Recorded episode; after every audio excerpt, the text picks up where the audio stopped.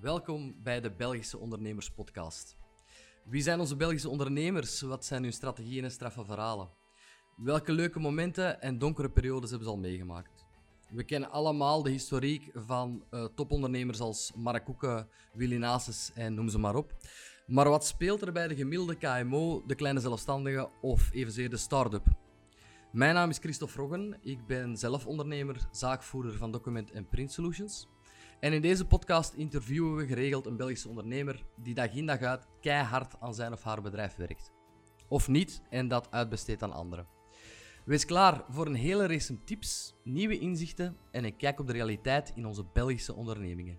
Enjoy! Hallo iedereen en uh, welkom terug bij de Belgische Ondernemers Podcast. Vandaag hebben wij een 40-jarige eh, ondernemer te gast en Kenny, zo heet hij, die uh, startte 15 jaar geleden de Jongstergroep. De Jongstergroep waar toen Baby Goodies webshop onder viel. En vijf jaar geleden is daaruit of daarnaast ook Shop We Do gegroeid, een e-fulfillment uh, organisatie, waarover Kenny uh, uiteraard zeer graag wat meer zal vertellen. We weten hem dan ook hartelijk welkom. Welkom in onze podcast, Kenny van Pasen. Dankjewel. Fijn om hier mogen aan deel te nemen. ik heb het u al gezegd, ik ben een fervente luisteraar van uw vorige podcast. En het is een eer dan dat u mij ook eens gevraagd heeft om, om geïnterviewd te worden. Hè? Dus fijn, fijn, tof. Dank u. Lang geleden dat mensen het een eer vonden om met mij te praten. Meestal is het andersom. Nu ook trouwens. Heel leuk, want jij bent toch een ondernemer in het Mechelse die, uh, ja, die zeer gekend staat voor zijn ondernemerschap. We gaan daar zo dadelijk ook uh, verder uitgebreid over praten. Um, mm. Heb jij jezelf al eens gegoogeld, Kenny? Uh, ja, ik heb het al wel eens gedaan, maar nu is het eigenlijk al heel lang geleden eigenlijk. Ja. dus, uh, oei.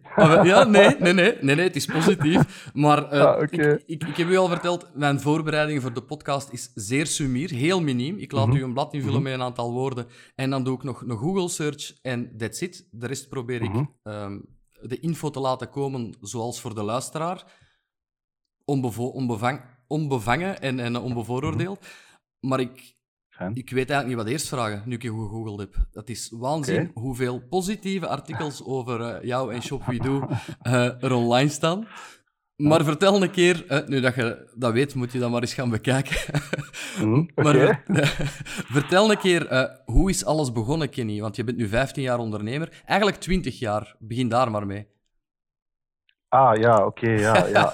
ja het, het, het, het ondernemen zelf denk ik dat ik wel ergens uh, in mijn genen heb uh, meegekregen. In mijn familie zitten wel wat ondernemers.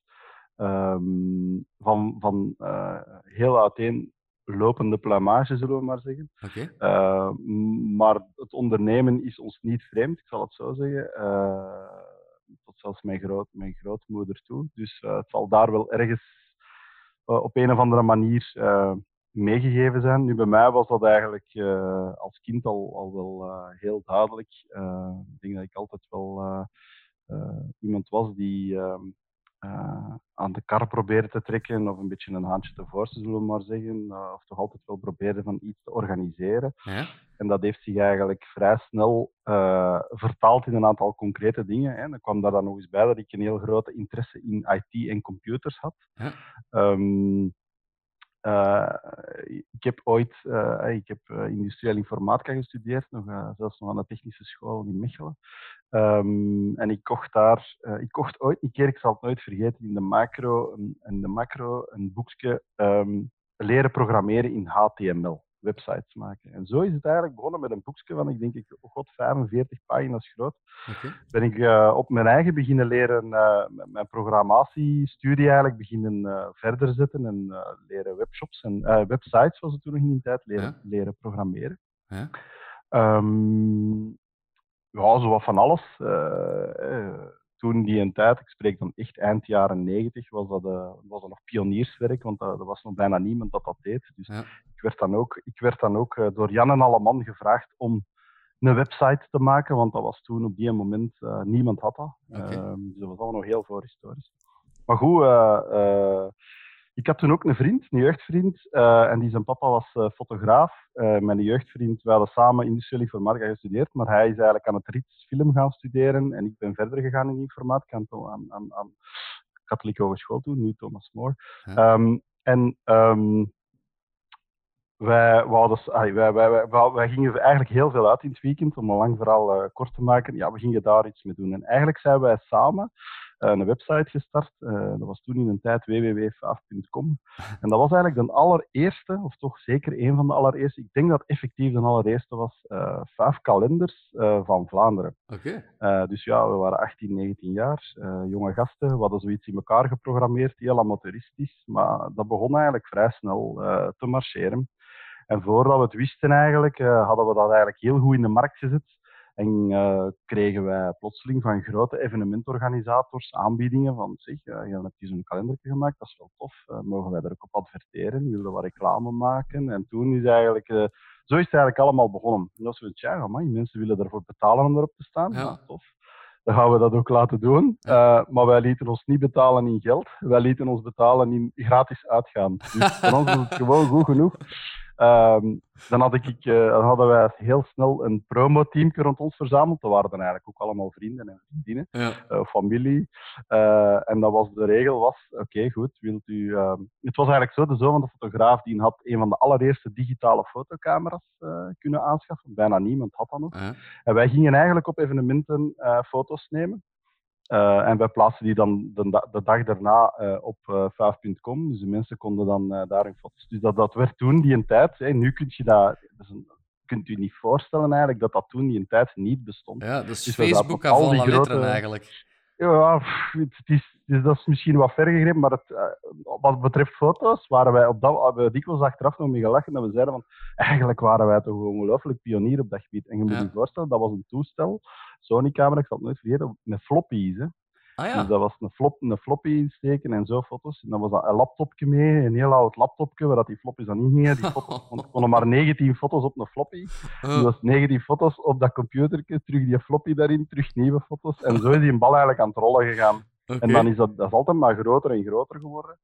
En dan op een gegeven moment heb ik dat zo kunnen... Uh, uh, ook met mijn vriend zijn de wegen zo wat uit elkaar gegaan. En ja, na, na, na, na een aantal jaren dat gedaan te hebben, heb ik dat kunnen uh, uh, verkopen eigenlijk aan toen TMF. Uh, Echt waar? De Music Factory. Ah, ja. Ja, ja, En zo, dat is eigenlijk het begin van alles geweest. Wauw, wat een fantastisch verhaal al. Ik weet niet wat ik het ergste vind. Dat je niet liet betalen, of dat je een bier liet betalen, of dat ik weet wat floppies zijn. Ik, ik oh, ja, ja, oh, ja. Oké, okay. ja, dus je hebt het dan... Uh, dus dan, moeten, dat, dan moeten ze maar eens googelen. Als ze dat, degene dat dan niet weten, dan moeten ze maar eens googelen. Maar uh, nee, effectief, zo is, zo is het eigenlijk allemaal begonnen. Ja. Wat een fantastische start. En je hebt het dan verkocht aan TMF. En dan? Mm -hmm. Want op, op dat moment ben je ook aan het werken dan.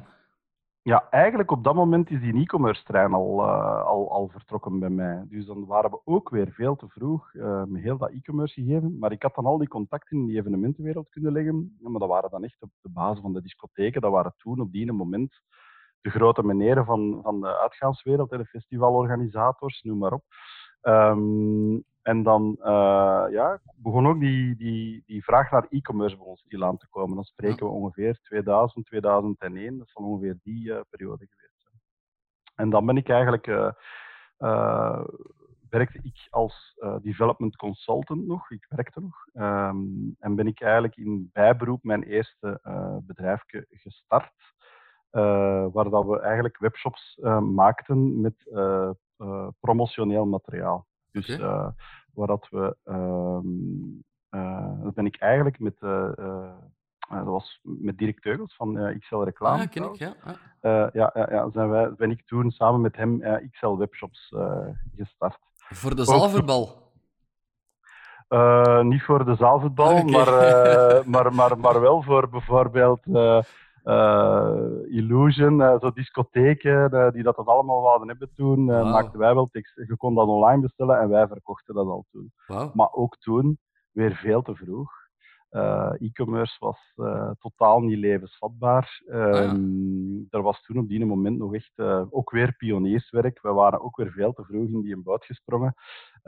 waardoor dat we na een aantal jaren ook dan weer daarmee gestopt zijn. Maar intussen werkte ik nog altijd als consultant. En dan vrij snel is daaruit dan ehm, zijn er een aantal ideeën geweest dat we op papier hebben gezet. Um, en waar is eigenlijk babygoodies uit ontstaan. Um, en wij zijn initieel begonnen, en dat is misschien, uh, sommige mensen gaan mij dat misschien kwalijk nemen, anderen zeker niet. Maar wij zijn toen begonnen met het verkopen van die stickers van uw kind aan boord achteraan. Oh. Waanzin. Ja, voilà. dus die, en daar hebben wij er, oh, ik denk ondertussen miljoenen uh, van in de markt gezet. En zo is het eigenlijk allemaal een bal aan het rollen gegaan. We zijn daarmee gestart en dan is er textiel bijgekomen. En, en, en voordat je het weet, zaten we eigenlijk waar we nu, waar we nu zitten. Dus um, ja, zo is het eigenlijk allemaal een beetje gestart. En ja. dan in 2005 zijn we effectief met Jongster gestart. Okay. En eigenlijk heeft mijn vrouw nog eerst haar werk opgegeven. Eh, om, om mee in dat bedrijf eh, te, te stappen. Eh, en dan ben ik er, ben ik er een aantal jaren later. Dat heeft nog heel wat jaren geduurd eigenlijk. Ah, dat ik altijd in de weekends en na de uren meewerkte. En mijn vrouw deed dan eigenlijk de productie. Ja. En dan ben ik er zo volledig ingestapt. Oké, knap. Want Baby Goodies, Baby Goodies tenminste, is een webshop voor alles wat met laten we zeggen, kinderen en baby's te maken heeft, om dat um, uniek uh, te bestellen, zeg maar. Hè? Dus je kan dat personaliseren. Ja.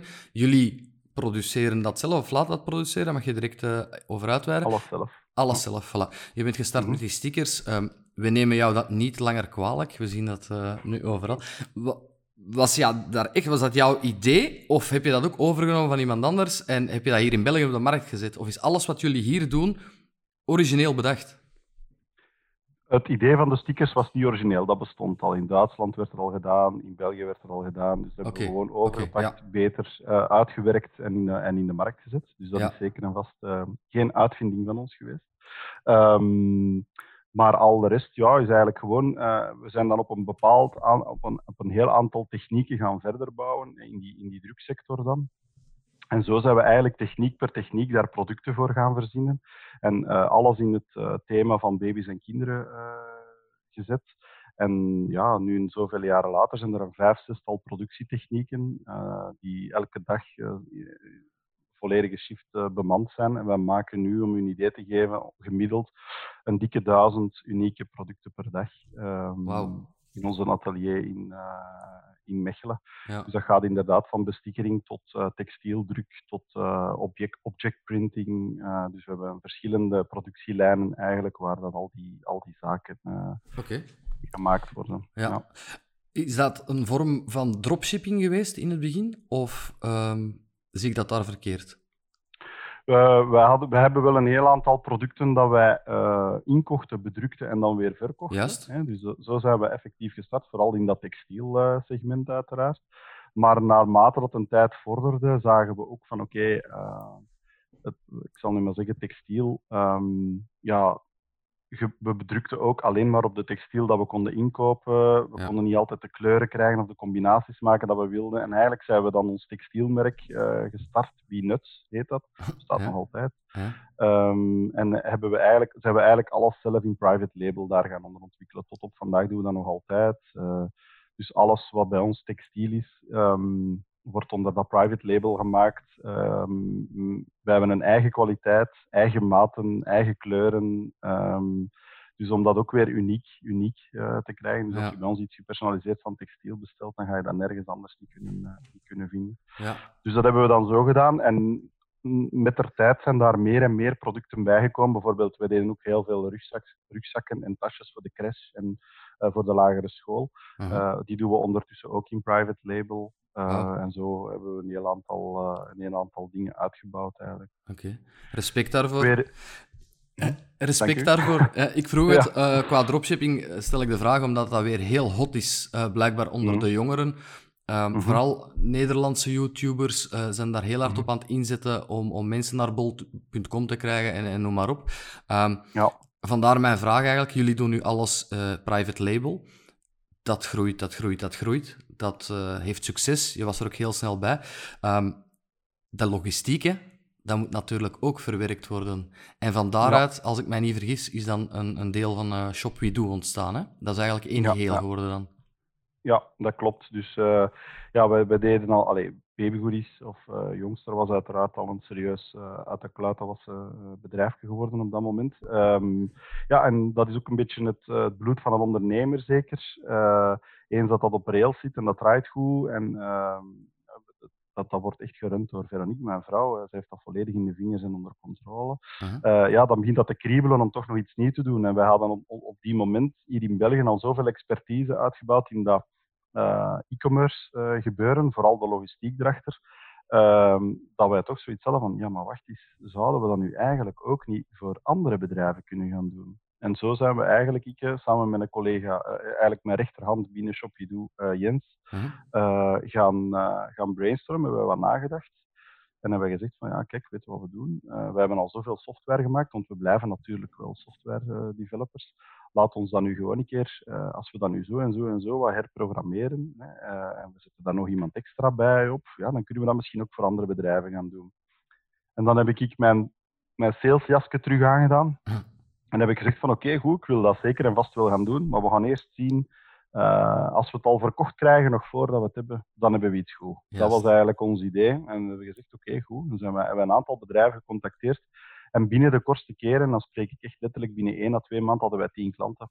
Voilà. En, eh, we, hadden, en we hadden eigenlijk nog bijna niks. Dus eh, we hadden nog niet eens een warehouse. Eh, het, was, het is eigenlijk hallucinant dat ik denk dat ik mijn eerste klanten opgezet heb bij ons boven op de mezzanine in, in, in, in- bij babygoodies eigenlijk nog. Ja. Ehm, dus ja, we hebben dat eigenlijk eerst in de markt. En dan toen, ja, als je natuurlijk weet dat er al tien mensen zijn die dat je diensten willen gaan afnemen, ja, dan weet je dat je iets in hand hebt dat wel de moeite is. En zo zijn we eigenlijk dan echt in Shopidoo gestart. Heb ik op terrein een ma- magazijntje bijgekocht. En daar zijn we dat, eh, in 2014 zijn we, is het idee, er, eind 2014 zal het idee ontstaan zijn. En 2015 zijn we echt live gegaan, denk ik. Eh, het zal zoiets ongeveer geweest zijn. eh, met het product. En ja, ondertussen hebben we iets van een 115, 120 klanten. Zitten we al aan ons eh eh, 1, 2, derde magazijn dat we openen. En we willen nog gaan uitbreiden nu. Dus ja, en is dat eigenlijk ook eh, eh, heel snel een, eh, een, een, een heel leuk, een heel ongelooflijk tof bedrijf geworden eigenlijk. Ja.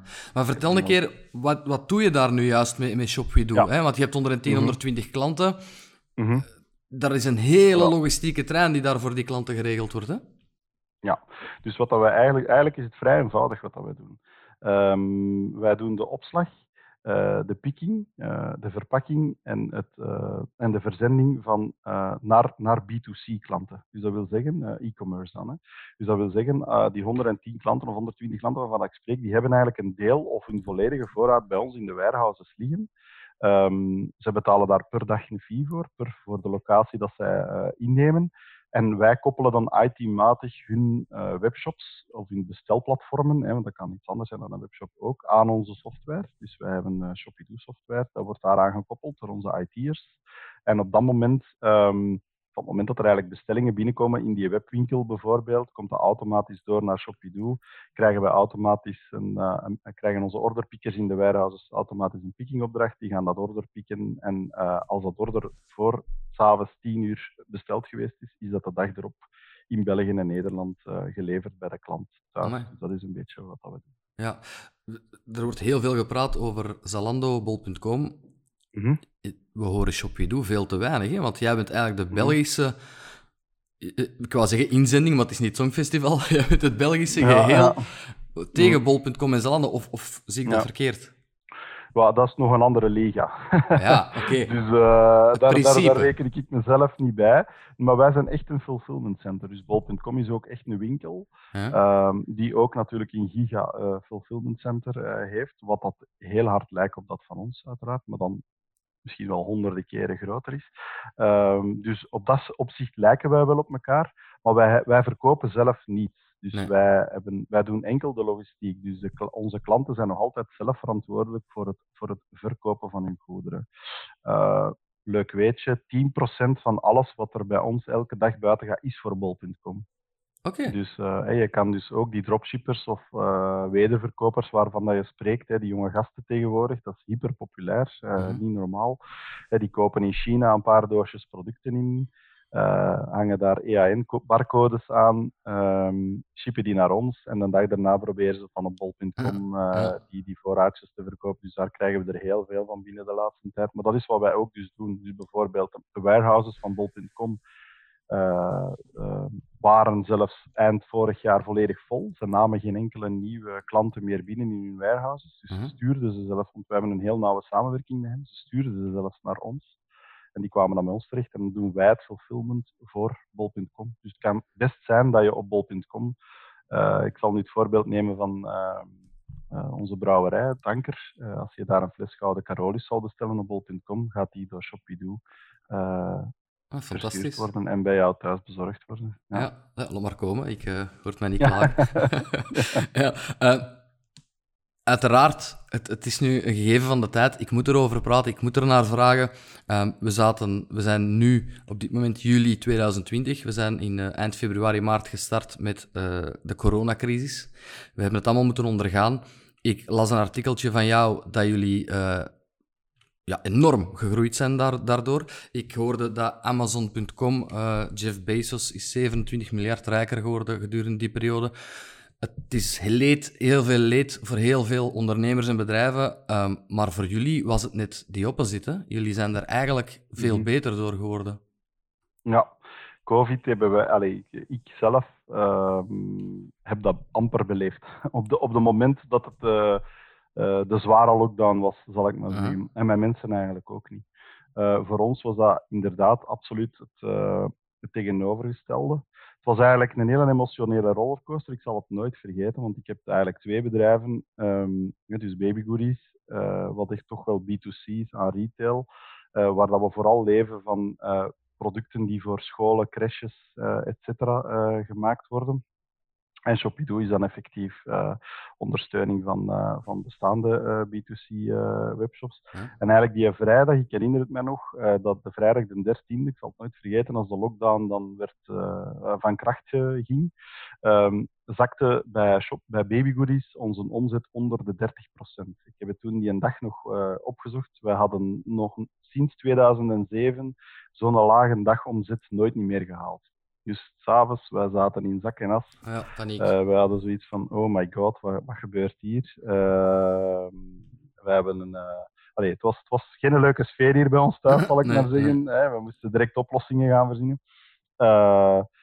We hebben dat dan ook gedaan. We, zijn, we hebben het massaal direct over een, over een andere boeg gegooid, verzorgingsproducten ingekocht en proberen uh, we hadden eigenlijk ma maandag zijn wij op een bureau gekomen en bij iedereen aan het werk gezet en gezegd van kijk mannetjes, je moet nu maken dat je begint te bellen naar alle leveranciers, iedereen die in al, uh, al de bekende babyproducten in verzorging heeft, uh, proberen alles te kopen wat je kunt krijgen en we gaan dan morgen een babygoodies te koop zetten om proberen die omzet toch een klein beetje omhoog te halen. Dus iedereen is daar direct ingevlogen. Straf. We hebben heel snel heel veel voorraad kunnen kopen en tegen het einde van de week, die vrijdag daarop, stond onze omzet al terug op 70 Wow. Dus uh, door even heel snel te schakelen. Nu ondertussen, bij Shopidoo, hè, dat is dan het andere bedrijf, hadden we compleet het tegenovergestelde.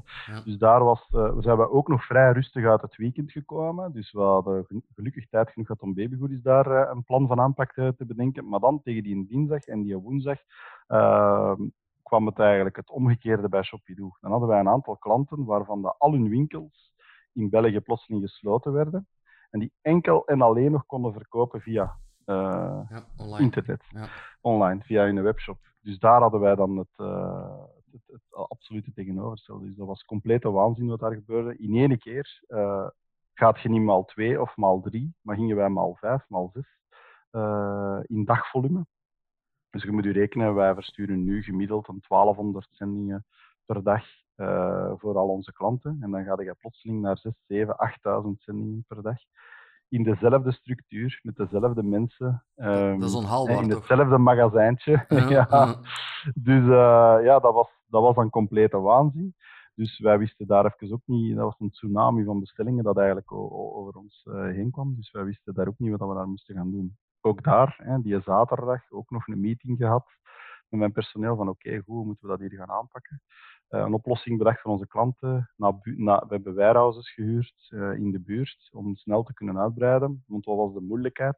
Uiteraard was de gezondheid op dat moment prioritair. Ja. eh, zeker van onze werknemers. Eh, ten eerste hopen dat er met hen niets gebeurde, uiteraard. Maar ten tweede ook zorgen dat die ziekte niet in ons bedrijf binnenkwam. Ja. Dus we hadden ook de belofte naar hen gemaakt van. ehm, ik heb dan op dat moment proberen eh, elke ochtend en avond een eh, meeting te doen met hen, want wij werken in twee shiften, avondploeg, ochtendploeg, om met hen te praten. Hè, want we moesten ook zorgen dat iedereen bleef komen. Ja. Dus eh, dat, er, dat er nog mensen waren die het werk kwamen doen. Dat was allemaal niet zo simpel, Nee. stressie.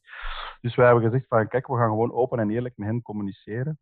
Eh, en eigenlijk ehm, is dat een hele slimme zet geweest. Want door dat te doen hebben wij echt iedereen gedurende heel die crisis aan boord kunnen houden. Wij hebben ook daar de belofte gemaakt aan hen van ja, kijk, wij werken normaal met heel veel flex, flexibele arbeiders. Ja. Of met eh, studenten, noem maar op. Hè. Er loopt er altijd wel 10, 15, lopen er altijd wel rond ons. We hebben dan ook gezegd van ja, kijk, eh, we gaan dat niet meer doen. Eh, allee, ze hebben dat eigenlijk gevraagd, de vaste mensen. Van, we willen eigenlijk liefst niet meer samenwerken met die flexibelen, omdat we die mensen niet kennen. En we weten ook niet altijd van waar dat die vandaan komen, Ja. natuurlijk. Dus dat willen we niet. Maar in ruil daarvoor zullen wij wel dubbele en als zelfs als het moet trippele shiften draaien om het werk hier gedaan te krijgen. We hebben toen gezegd, ja, akkoord, dat moest daar niet over nadenken. Ik had zoiets van, nee, nee, fine by me, we gaan dat zo doen. En we zijn dat eigenlijk zo, twee maanden lang hebben we dat zo gedaan. Dus mijn mensen van de eerste tot de laatste, eh, die zijn heel die periode aan boord gebleven. Ik heb Fantastisch. geen enkele, geen enkele moeten missen, op geen enkel moment. Ja, dat is, dat is allee, op, dat- op zo'n momenten besef je pas als ondernemer Ja. hoe belangrijk eh, dat die mensen zijn. En, en, en eh, allee, ik moet nog eens zeggen, hoedje af, chapeau.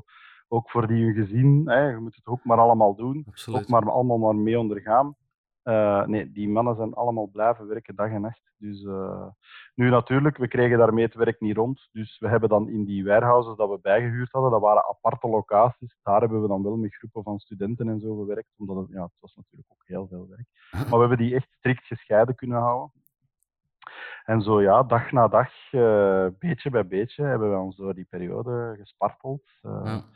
Dat was heel stressvol, heel, eh, ehm, ja, heel uitdagend. ehm, maar het- ik heb daar enorm veel geleerd. Ehm, ik heb terug, eh, ik, heb, ik, ik heb het nogal gezegd, eh, op zo'n periode ook valt alle ruis weg. Hè. Je kunt alleen maar gefocust met je bedrijf bezig zijn. En dat heeft mij echt wel terug doen herontdekken een beetje hoe, hoe, hoe leuk dat mijn bedrijf wel effectief is. Ja.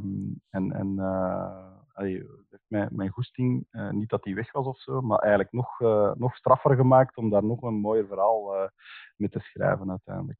En natuurlijk, het moet niet gezegd, zo'n zo'n zotte periode gedurende is eigenlijk nog niet gedaan.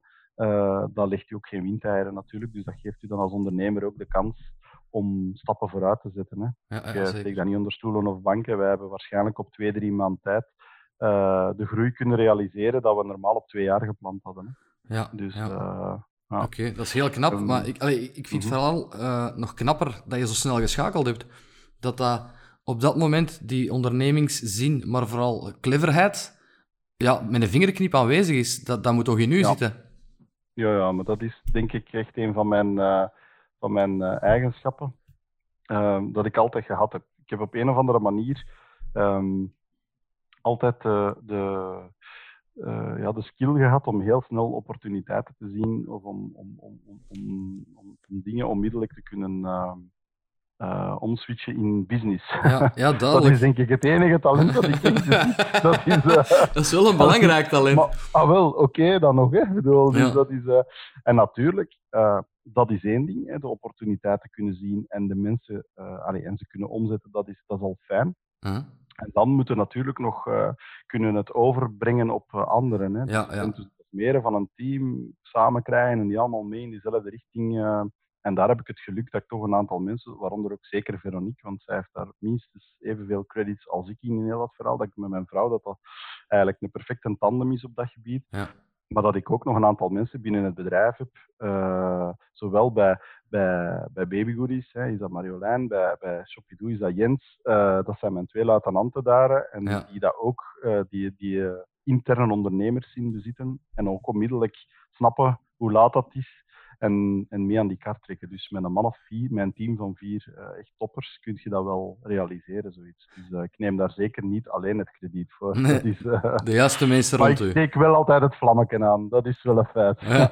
Wel, dat- je komt eigenlijk op mijn volgende vraag een beetje, want mijn vraag ging zijn van wat is nu nog jouw taak binnen het bedrijf? Hè? Je hebt de goede, de juiste mensen rond jou. Mhm. Waar hou jij je vooral mee bezig? Buiten heel snel schakelen en ehm, ja, geen windeieren laten liggen? Ja. Ik probeer eigenlijk eh, mijn, eh, nog, nog heel hard mijn voelsprieten open, open te eh, overal Ja. te luisteren te leggen, zal ik maar zeggen. Ik weet niet hoe ik het moet uitdrukken. Maar ik probeer eigenlijk vooral met het, het grotere strategische geheel te zien. Dat is Oké. iets waar ik vroeger eigenlijk nooit niet goed in was. Dat is ook heel cryptisch, hè, Kenny? Eh, ja, Ik- ik- ja, dat is ook heel cryptisch. Ik kan vanuit. Spanje ook het grotere geheel zien, maar daar gaat mijn bedrijf niet beter door draaien. Ja, nee, maar eh, ik, heb, ik probeer, ik vroeger, hoe deed ik dat vroeger? Ik, ik, op, ik, in december, de laatste twee weken van december, zette ik altijd op papier wat ik het volgende jaar wou gaan doen. En ik schreef dat ook echt uit, zo'n Oké. opstel ik heb gelijk vroeger. Zo. Dat was soms een beetje kinderlijk, maar ik schreef dat ook echt uit. En op het einde van het jaar nam ik dat vorige opstelletje er altijd bij. En dan ging ik eigenlijk kijken van wat heb ik hier nu eigenlijk van gerealiseerd.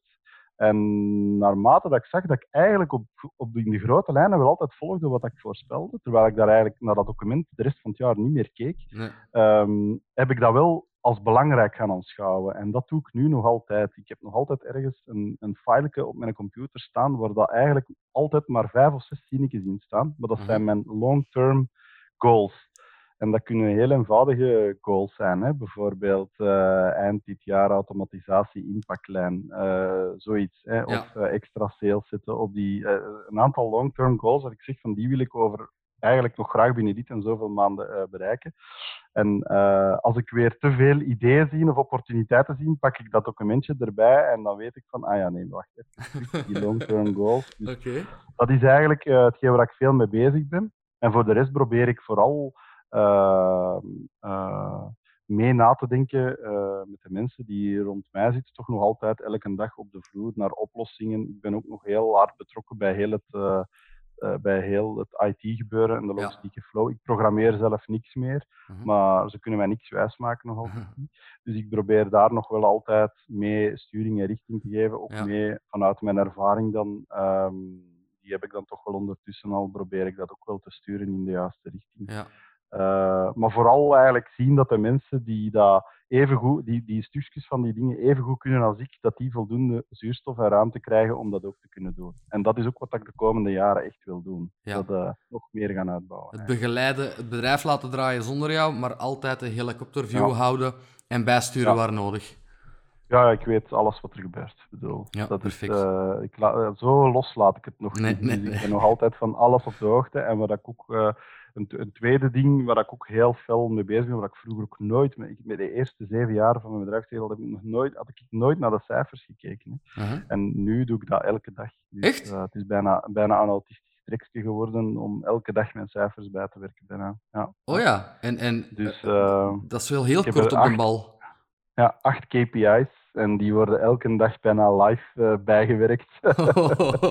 Dus eh, ja, ja, dat, dat is op de duur wordt dat ook een beetje een verslaving. Hè. En die, Ja. die acht KPI's zijn ook een long-term, allee, daar zitten ook voor een stukje long-term goals natuurlijk in verweven. En ik Ja. moet wel zeggen, ehm, als ik iemand een goede raad mag eh, geven, is het dat. Breng je cijfers in kaart en kijk er op zijn minst één keer per maand naar. Want anders dan... Ja. eh, Wel, dan- één keer per maand volg ik inderdaad. Eén keer per dag is heel kort op de bal. Dat is gewoon Ja, depressief ja, maar-. Ehm, ik, ik neem aan, je hebt het nu even heel goed gehad een aantal maanden. Hè. De, de inkomsten zijn vrolijk binnengekomen. Ik mag hopen dat je deze keer niet in bier en fuiven hebt laten uitbetalen, maar dat je werkelijk voor de ondernemerschap gegaan bent. Eh, zijn er investeringen nog gepland op korte termijn? Eh, moet je verder werken aan die versnelde groei?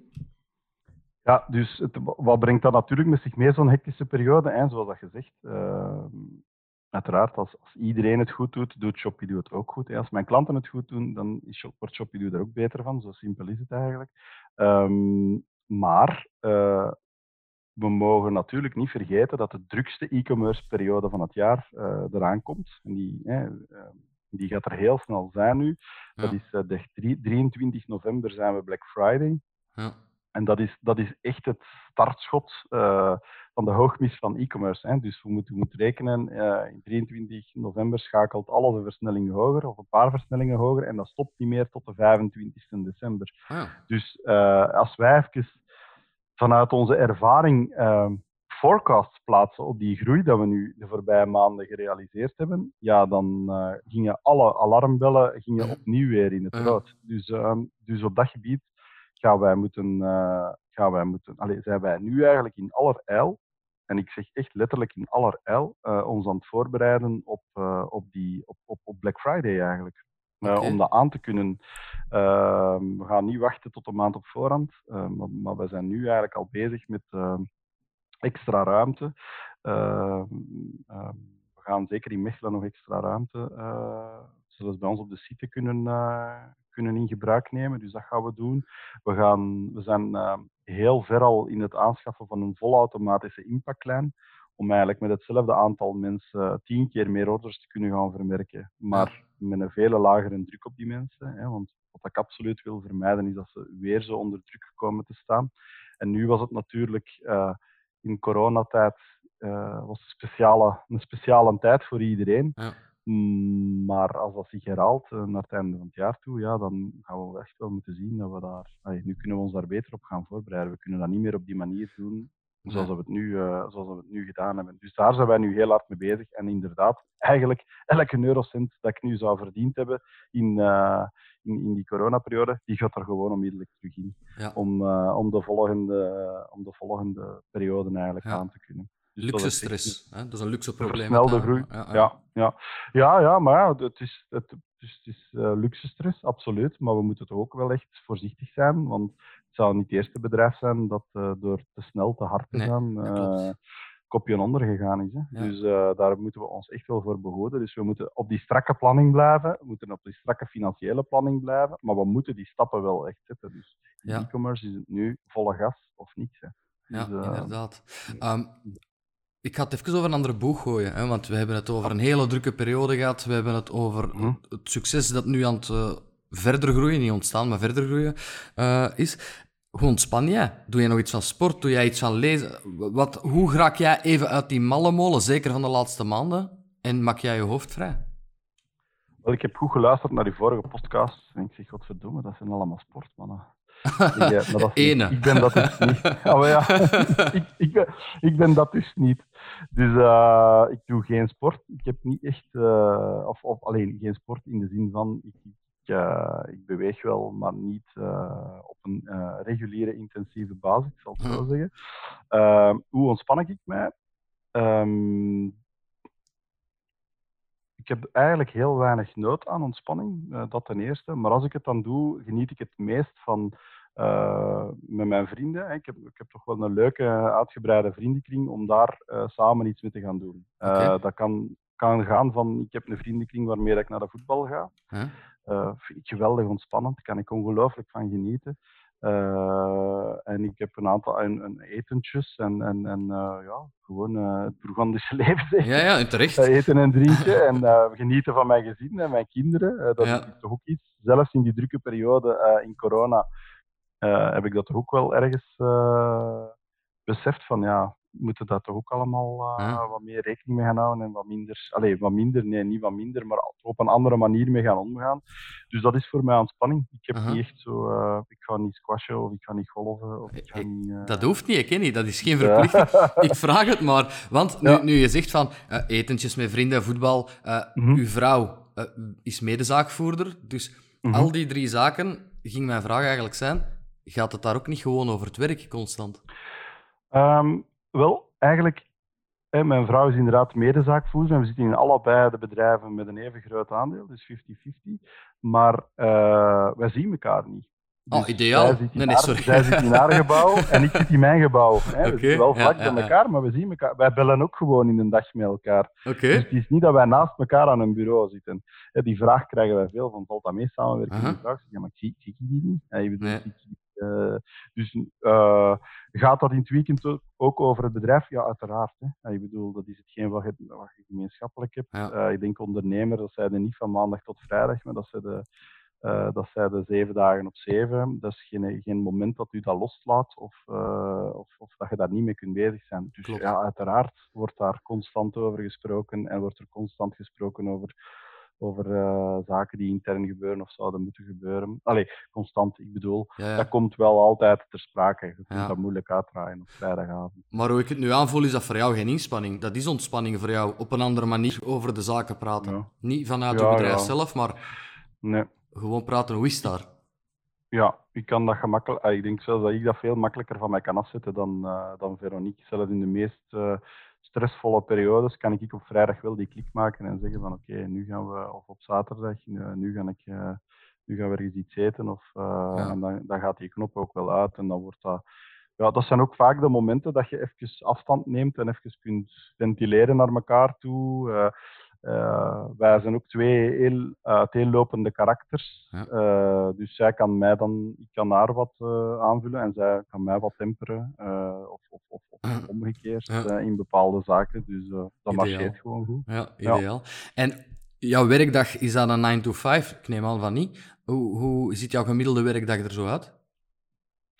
Ik sta eh, op, dat dat is een beetje afhankelijk, eh, half acht, acht uur. Dus ik ben geen vroege vogel, absoluut niet. Mijn vrouw wel, die is om vijf uur uh, Wow. is die bezig.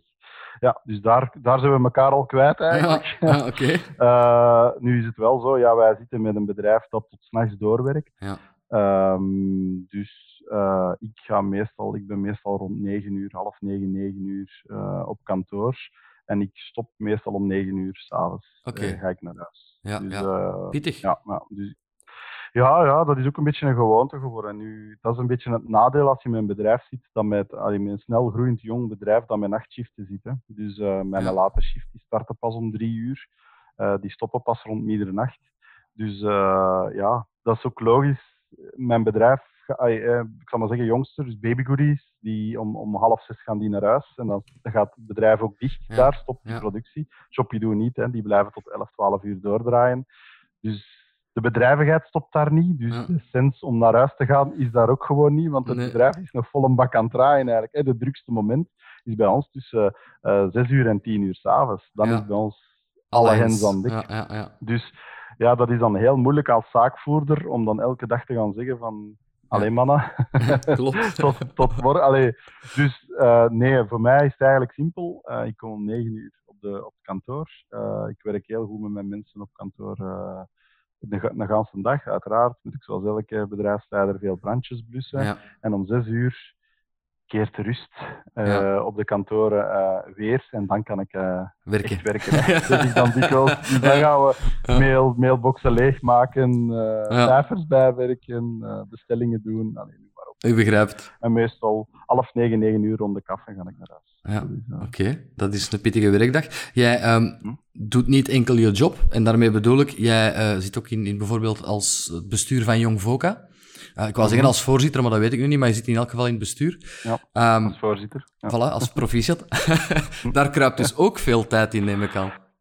Ja, ja, ja. Dus dat is ook een van de, eh, dat, is, dat is ook wel een van de dingen waar ik, eh, dat bij mij geldt als ontspanning of hobby.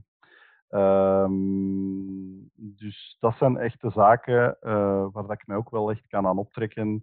Oké, ja, daar, daar, daar kruipt ook wel wat tijd in. Maar ook daar, je bent met een team van tien, ehm, tien jonge ondernemers Mhm. eh, die een gezamenlijk doel hebben of aan iets gezamenlijk werken. En dat is gewoon fijn eh, om te doen. Dus Ligt- ik kijk daar echt naar uit. En om de twee weken dinsdagavond hebben wij bestuursvergadering. Ik zit hiervoor, dat is waar. Maar eh, Ja. de rest doet, allee, wij doen samen al het werk. Hè. Dus dat is het, zo, zo werkt dat eigenlijk. Ja. Meer is het niet. En wij organiseren tien events per jaar. Dus, eh, Ah, wel, licht is eens toe voor de jonge ondernemers uit, uit. Eenders welke regio, want je hebt Jong Voca in alle Mhm. provincies, denk ik. Hè? Licht eens Ja. even toe voor de mensen die luisteren en, en onder de 40, 45 zijn? Uh, bij ons is de leeftijdsgrens 45. Ja. Oké. Okay. Ja, uh, wat houdt Jong aan jou zien en wat is er, waarom is dat belangrijk om daarbij te zijn? Ja, dus wij zijn eh, Jong Voka uh, Mechelen, um, die er dus zijn voor de, voor de, de grote regio. Hè. Wij zijn er eigenlijk voor de jonge ondernemers, grote regio Mechelen. Dus eigenlijk elke ondernemer die iets wilt netwerken of zijn netwerk wilt uitbreiden op de niet-klassieke uh, manier. Daarmee bedoel ik dan echt uh, uh, speed daten of whatever, of moeten continu pitches doen en zo. die kan bij ons terecht. Wij proberen eigenlijk elk jaar elke maand één evenement te organiseren voor onze leden, um, die ja, heel, heel uiteenlopend zijn. Ja. Dat kan uh, een spreker zijn over een bepaalde topic, dat kan uh, een activiteit zijn. Uh, ik noem maar op. We hadden nu bijvoorbeeld een, short, een ultra short ski gepland in, de, in Aspen in de indoor skipiste. Uh, in de winter hebben wij een, altijd een feest in de winterbar Mirage in Mechelen. Ja. vorig jaar hebben we Reggie daar laten komen. proberen we proberen ja. altijd een heel leuk feest van te maken. We hebben een zomerevent. We hebben een, een business quiz uh, dus het zijn eigenlijk events waar je op een laagdrempelige manier, nog op de echte klassieke netwerking manier, met andere jonge ondernemers uit de regio kan uh, in contact komen. Ja. En wat zien wij uh, als elk nieuw lid dat toetreedt? Um, als je de moeite doet om tussen de om drie keer te komen. Want dat is dikwijls moeilijk als je in zo'n organisatie stapt van hoe moet ik me hier gaan, uh, gaan uh, hoe moet ik daar nu eigenlijk bij gaan? Ik zeg altijd, als je de moeite doet om drie keer te komen, tegen de vijfde keer zitten bij de groep dat wij de usual suspects noemen. Ja. En heb je daar vrienden gemaakt en zie je elkaar elke maand weer. En dat is heel fijn. Als wij nu een activiteit organiseren, zijn er eigenlijk 50 jonge ondernemers die altijd onmiddellijk inschrijven en die zien elkaar maar één keer per maand, maar dat is op geen enkel moment ongemakkelijk of whatever. Iedereen wordt daar direct uh, in de armen gesloten. Uh, ai, ik vind het een ongelooflijk toffe dynamiek. Dus als je het nog niet gedaan hebt, volgende activiteit zeker afkomen. Dat, ja, uh... ik, ik voelde me wel aangesproken met die drie keer. Ik ben een jaar lid geweest. Uh, met het mhm. vorige bestuur, maar ik ben dan mm-hmm. niet genoeg gekomen om, uh, om het interessant te maken. Uh, maar waarom ik de vraag stel, het, het, moet inderdaad gezegd dat tegenwoordig netwerken eigenlijk de basis van bijna alle uh, processen in zaken sales en in zaken marketing, noem maar op. Ons kent ons gedeelte wordt, wordt veel intensiever. Um, dus ik raad het eigenlijk als ondernemer zijnde alle andere, en zeker de startende en jonge ondernemers, aan om zich aan te sluiten bij, bij Jong Voca of bij een, een BNI. maakt al niet uit, bij een netwerkgroep. Ja. Mm -hmm. En zo mm -hmm. ga je die mhm. stappen altijd uh, kunnen zetten, natuurlijk. Hè. Jij mhm. bent nu... Uh, zeg maar, sorry. Nee, nee, nee. Uh, ik, wou gewoon, ik wou dat beamen. Dat is uh, superbelangrijk. Ja, ja klopt. absoluut. um, zit jij buiten Jong Voca nog in andere netwerken? Uh, ik ben ook nog Rotary. bij, bij Rotary Mechelen ben ik ook nog lid. Dus dat is eigenlijk meer een serviceclub dan. Ja, dat is al wat ander niveau, dat... ik ken niet. Daar kunnen wij nog niet... Uh...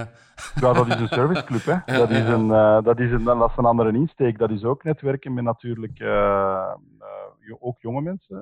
nee, want dat is absoluut geen ander niveau, laat dat duidelijk zijn. Dat is, ehm, dat is gewoon een serviceclub waar je ook voor een stuk een maatschappelijk doel hebt. Hè, en waar je probeert op een bepaalde manier, dat is toch een toegang om, om maatschappelijke uh, een invloed hebben. Dus het is ook gewoon een groep van heel toffe, leuke mensen. Okay. Uh, jongeren en ouderen, alles door elkaar. Dus het is een beetje hetzelfde, maar gewoon met een ander doel. Ja. Uh, waar dat in de Jong Voca ja, effectief is om de jongeren. Eigenlijk willen wij gewoon die jonge ondernemers. Uh, kijk, je, je, moet al genoeg pitchen en je moet al mhm. genoeg uh, je bedrijf naar voren dragen. En we proberen dat eigenlijk gewoon niet te doen. Ja. Eh, op zo weinig mogelijk te faciliteren. Komt gewoon af. Bij ons is het plezier. En je zult zien, als je lang genoeg komt, die kruisbestuiving en die business, dat komt gewoon vanzelf. En je leert gewoon een goed netwerk opbouwen. En Mechelen is op zich een zeer leuke stad. Um, van de perfecte grootte, waar dat we eigenlijk een heel populair uh, jongere ondernemersnetwerk hebben. Dus een, ja. wel een bruisende stad op dat gebied. Dus ja, ik, haal, ik put daar persoonlijk enorm veel energie op. Ik heb ook ongelooflijk veel mensen daardoor al uh, ja. kennen. En om even terug te komen over de belangrijkheid ervan. Dat is natuurlijk, uh, ik denk dat iedere zakenmens op een andere manier uh, business doet, maar netwerken lijkt mij inderdaad ook onontbeerlijk. Ja. Het is nog heel veel linken, worden toch nog heel veel op die manier gelegd. Dus ik kan het inderdaad ook echt, echt iedereen aanraken. Je moet ergens beginnen, nou wel, dat is eigenlijk als je dat graag doet, is een, een glas gaan drinken of een, of een babbelje met iemand doen, dan is netwerken de perfecte manier om je bedrijf in de markt te zitten. Hè? Ja. ja. het is ook de mens leren kennen, hè? niet zozeer de ondernemer, mhm. maar je leert eerst de mens kennen. Ehm, als je dat graag doet, er zijn heel veel mensen die dat niet graag doen, dat socializen. Mhm. Ehm, maar het is vanaf dat je uit die comfortzone komt, dat je zal zien dat je netwerk ongelooflijk uitbreidt op een hele snelle tijd. En, uh, daarom is dat inderdaad leuk om te doen. Kenny, ik beloof plechtig dat ik de vol een van de volgende evenementen nog eens afkom. ah, wel, dat is goed. Dat moeten we zeker doen.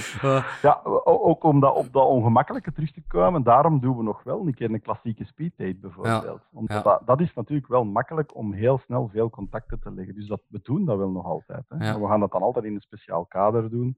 Uh, dus ik snap dat wel, als je daar wat moeilijk mee hebt. Uh, nu, dat is ook een beetje de taak van ons bestuur, om ervoor te zorgen dat die jonge ondernemers, waar we voelen van ja, die hebben het wat moeilijker met dat socializen, dat wij die eigenlijk op weg zetten en connecteren met de juiste mensen. Dus dat proberen we toch zo goed mogelijk. Oké. Geef een keer een raad aan de jonge ondernemers die nu aan het luisteren zijn, al dan niet startend. Wat is voor jou belangrijk dat zij uh, weten, de info die jij hen zou geven, of, of de tips? Goh, uh, eigenlijk, ik maak er mij misschien wat gemakkelijk vanaf, maar eigenlijk zou ik gewoon zeggen aan de jonge gasten die iets willen ondernemen, gewoon doen. Niet te veel nadenken. Gewoon gaan. Als je, als je, en, en, en probeer uh, iets met je passie te doen. Probeer te kijken van wat is mijn talent, waar ben ik door gepassioneerd en probeer een bedrijf, probeer iets te zoeken dat je daarmee kan doen en maak daar een bedrijf mee. Ja. En als je, als je een idee hebt, probeert. Probeert gewoon. Net zoals ik zei, hè, Shopidoo, eerst proberen tien keer te verkopen vooraleer dat we er echt zwaar in gingen investeren. Ah, wel, dat is eigenlijk mijn raad. Ik heb. Van, kijk, ja. voordat je aan iets begint, ga gewoon en zie wat er gebeurt. En probeer alle en cours de route in die eerste uh, jaren uh, bij te sturen. Ja. Uh, wat, wat niet, waarmee ik niet wil zeggen dat je, niet naar je, dat je daar heel onbezonnen moet aan beginnen. Hè. Maar uh, als je te veel op voorhand rekent en berekent, dan verliest je volgens mij heel veel kostbare tijd. En enthousiasme. En enthousiasme. Dus ik heb zoiets van gewoon gaan, risico pakken, durven falen. Lukt het niet, dan begin je gewoon opnieuw. Zoek iets anders en begin opnieuw. Er, ja. is, er is nooit niet veel. Uh, ik heb te veel projecten al zien passeren. Hè, als ik dan effectief naar e-commerce kijk, waar dat al duizenden, zo niet tienduizenden euro's in geïnvesteerd zijn, ja. zonder dat ze eigenlijk aan de markt getest hebben gehad of dat het wel ging werken of niet. Ja. En waar dat... ik na vijf, vijf minuten in een gesprek kon zeggen, nope, dat okay. was niet. Want dat is eigenlijk de grote vraag nu. Er zijn heel veel jongeren die willen starten met e-commerce. De mhm. gouden tip daar is, doe je marktonderzoek. Dat is eigenlijk wat jij zegt. En uh, bel Kenny om af te toetsen of het wel een goed idee is. ja. Ik zet dadelijk een gsm-nummer erbij. ja, niet. Nee, nee, nee. Nee, nee, maar, maar aftoetsen, aftoetsen is niet moeilijk. Hè. Het is geen dat ik effectief zeg. Als er effectief iemand al geld wil geven voor je product, nog voordat je product hebt, dan zit op iets goed. Ja, ja. Dat is wel heel zelden dat je dat tegenkomt, hoor, Kenny. Allee, ik heb ook al heel wat... Uh... Ja, ja.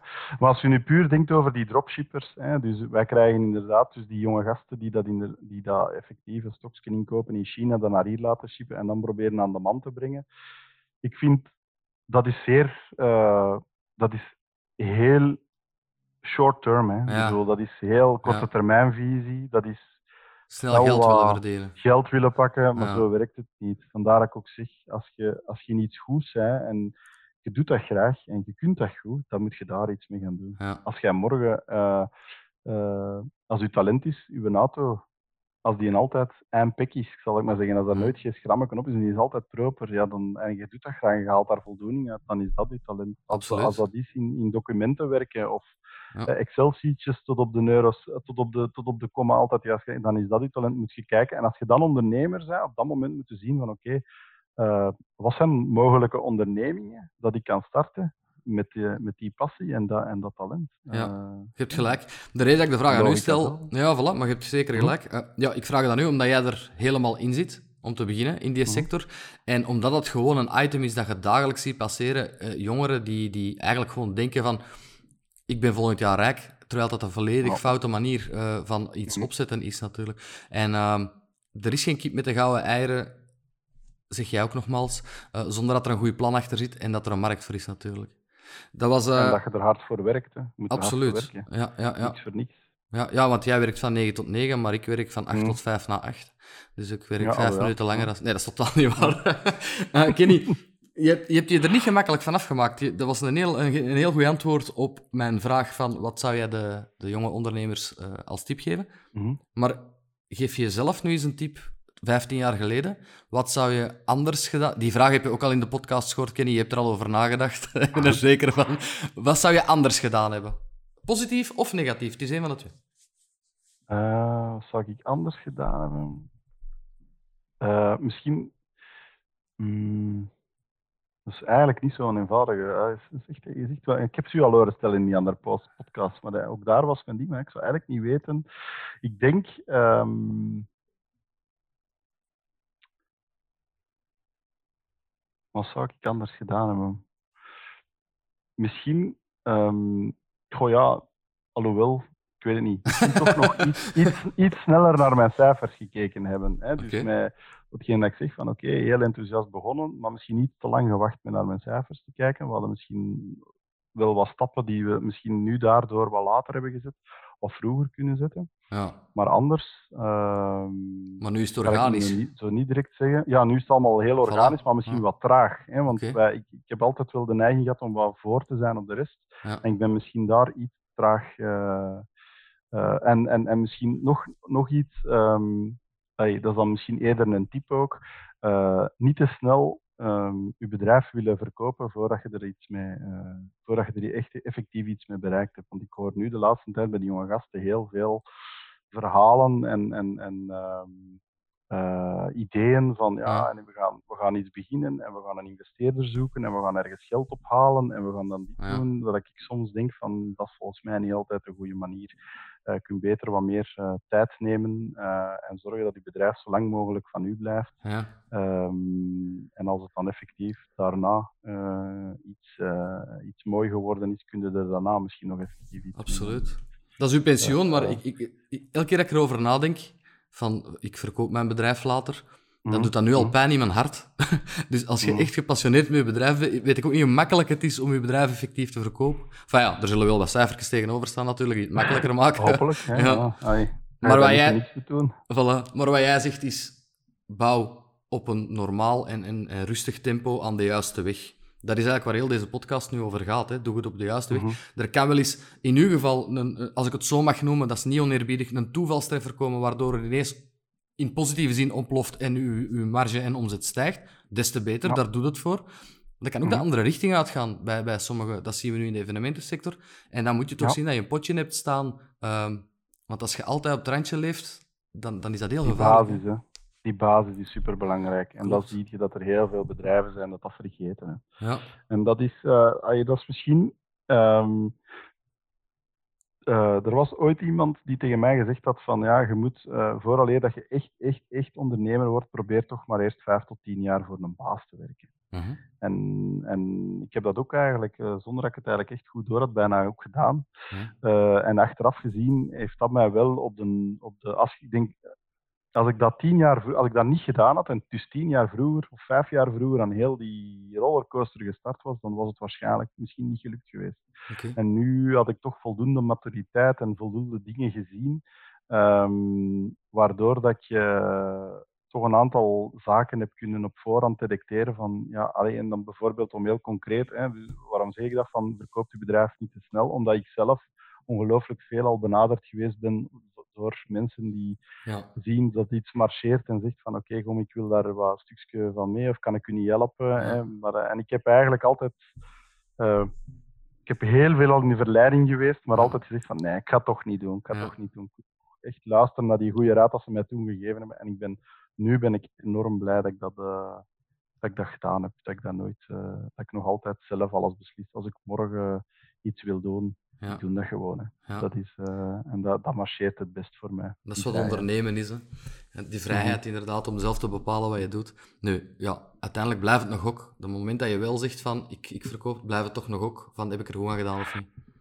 Ja, ja, en dan ook, allee, ook dat, hè, wat gaat dat doen? Allee, ja, stel je voor, dat je, ik weet niet, ik zou onmiddellijk met iets anders starten ook. Hè. De webshop. Wie weet, een, eh, ja, wie weet, ja, iets totaal anders, Ja. eh, why not? Nee, nu, eigenlijk op dit moment, eh, ah, je ziet dat niet. Mijn, nee. allee, ik heb daar geen strategie rond, ik zal het zo nee. dat, uh, Heb je veel nevenprojectjes? Uh, een aantal, een aanla Allee, ik heb over het uh, vorig jaar nog een leuk nevenproject gestart met een jeugdvriend eigenlijk. Uh, Perdu, waar dat we een uh, onzichtbaar uh, onderhemdje voor zakenmannen mee op de markt gebracht hebben. Een, ja, een eigenlijk onzichtbare onderhemdjes. Een doorschijnend Marcelletje. Ja, dus okay. eigenlijk hè, die, le die, lelijke witte Marcelletje ja. onder uw wit hemd, ja, dat, dat, dat, dat gaat niet. Maar hè, er is altijd wel iets te zeggen om een t-shirtje onder uw hemd te dragen. Klopt. en wij hebben er eigenlijk onzichtbare ontwikkeld. Dus daar ben ik vorig jaar mee, mee ingestapt. Um... ik kan zeggen, ik heb ze nog niet gezien, maar dat is misschien de bedoeling. Ja, ja voilà, kijk. Ja. dat is de bedoeling. Okay. Dus marketingtechnisch zeer moeilijk product om in de markt te zetten. Maar, uh, maar uh, nee, zo die, die zaken. En misschien ga ik dat in de toekomst nog wel meer doen. Uh, maar het zal wel altijd een link met e-commerce hebben. En, met, en, ja, textiel en e-commerce zijn die twee dingen dat ik wel in de vingers heb natuurlijk. Maar ik ben daar niet specifiek naar nee. op zoek. Dat is niet, uh, niet mijn idee om een hele serie van, uh, van bedrijven te gaan uitbouwen of zo. Nee. Dus, ik heb wel mijn textielmerk. Ik heb dan ik heb Sender gehad, een verzendservice. Die heb ik dan ook aan PostNL verkocht twee, twee jaar okay. geleden. Dus ik heb ook al wel gemerkt um, dat het is heel makkelijk om, hè, als ik jong was, zag ik heel makkelijke opportuniteiten. Dus het is ook heel gemakkelijk om die opportuniteit te springen, zeker als je in een markt als e-commerce zit. Ja. Maar uh, op een gegeven moment moet je toch wel focussen op één of in mijn geval op twee dingen en daar ja. al je energie in steken en daar proberen van daar iets heel moois mee te maken. Ja. Dus, uh... En dat zo goed mogelijk te doen. Laatste vraag, Kenny. Binnen vijf jaar, wat staat er op uw opstel? Uh, binnen vijf jaar zal ik nog altijd in uh, Mechelen in mijn bureau zitten, hoop ik. Uh, met ja, hopelijk wat meer kubieke meters nog. en een mooi, proper, meer geautomatiseerd magazijn. Ja. En hopelijk van alle mensen die nu rondom mij zitten of in mijn bedrijf werken, zijn die er ook nog allemaal bij. Ja. Uh, voilà, dat is het eigenlijk op, op zakelijk vlak. En persoonlijk uh, hoop ik dat, iedereen, dat ik gewoon gezond kan blijven, dat iedereen mijn familie gezond kan blijven en dat, dat mooi. mijn kinderen uh, ja, gezond blijven. Ja. Dus eigenlijk, ik heb geen wilde plannen eigenlijk. Nee, gewoon verder doen. Zijn. Gewoon verder ja. doen en we zien wel. Okay. ik doe dat niet meer, die wilde plannen, want dat is, ik, ga gewoon, ik zal wel zien. En normaal gezien, als alles goed gaat, dan zal dat gewoon, zoals Sophie doen, hopelijk nog wat groter zijn en misschien 200 klanten hebben. Ja. En, uh, een mooi geoliede machine zijn. Maar je zit in elk geval een gelukkige ondernemer. Ja, ja, absoluut. absoluut. Dat is altijd leuk om te ja. zien. Um, wil je graag nog zelf iets de wereld in uh, smijten? Iets wat we niet weten? Of iets om anderen uh, qua info te geven? Uh, een tip? Het hoeft niet. Ik denk dat ik mijn belangrijkste tip al gegeven heb. Ja. Dat is effectief als je denkt om te gaan ondernemen, dus dan vooral weer naar de jonge ondernemers toe. Gewoon gaan, gewoon doen. Gewoon doen. Voilà. Uh, niet, niet, niet, uh, als je goesting hebt om het te doen, moet je het gewoon doen.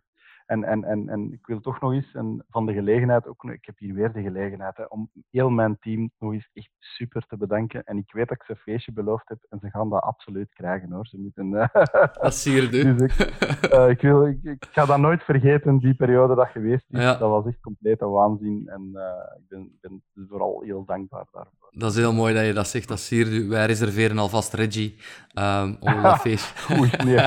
nee. ik zet ook dat, de locatie en de datum en het uur uh, bij de Ja. notes onder YouTube. ja, dat zal ook nog niet bedreigd zijn. Hè. Dat is, uh... Nee, Kenny, uh, merci. Ik ga even afscheid nemen van de luisteraar en ik kom dadelijk bij je terug. Uh, voilà, uh, bedankt om deze podcast volledig uit te luisteren of te kijken. Je kan ons uh, terugvinden op YouTube, Spotify, iTunes onder Belgische ondernemers. Instagram, at Belgische underscore ondernemers. En indien u tips heeft of bemerkingen, vragen, vragen die je graag hebt, die ik stel aan de volgende ondernemer, dan kan je altijd een e-mail sturen naar info at Belgische koppelteken ondernemers.be. Kenny, merci, merci, merci om erbij te zijn en, en uw, uw ding te doen. Um, het is leuk om u zo gepassioneerd bezig te zien en, en zo positief.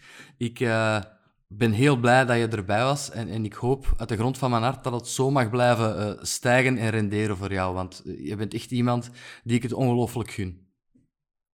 Fijn. Ik vond het ook uh, ongelooflijk leuk om, uh, om, om deel te nemen en mijn verhaal eens te mogen doen. Dat is altijd leuk hè, om over uw passie te mogen, Zeker. Mogen ja, praten. Dus, en, en nog eens dikke proficiat met het initiatief. dank u. Ik vind het echt top. Ja, ja fantastisch. Ik, ik dank u daarvoor. Um, Kenny, ik ga hierbij afsluiten, maar ik uh, noteer dat wij nog een feestje met Reggie te goed hebben, want wij steunen allemaal uw bedrijf. nee, nee, ja, en ik wil ook van mijn kant het respect naar uw, uh, naar uw werknemers uh, betuigen, want het is toch knap dat ze in die periode, zo, eigenlijk zoals de verplegers bijna, zeg maar, ik, misschien, misschien overschat ik het een beetje, maar de, de inzet, dat is wat je wil van werknemers, dat die uw bedrijf ademen. Ik zal het zo hmm. zeggen. En dat hebben zij gedaan. Dus heel veel respect voor uw mensen. Heel veel respect voor u en uw vrouw. Uh, dat jullie onmiddellijk de juiste klik gemaakt hebben en de juiste stappen gezet hebben. En uh, ik hoop u in het Mechelse nog eens tegen te komen uh, om samen een pin te pakken. Dat gaat zeker nog gebeuren. Super. Daar ik niet aan. Kenny, merci. en tot okay. de volgende keer. Yes, tot de volgende.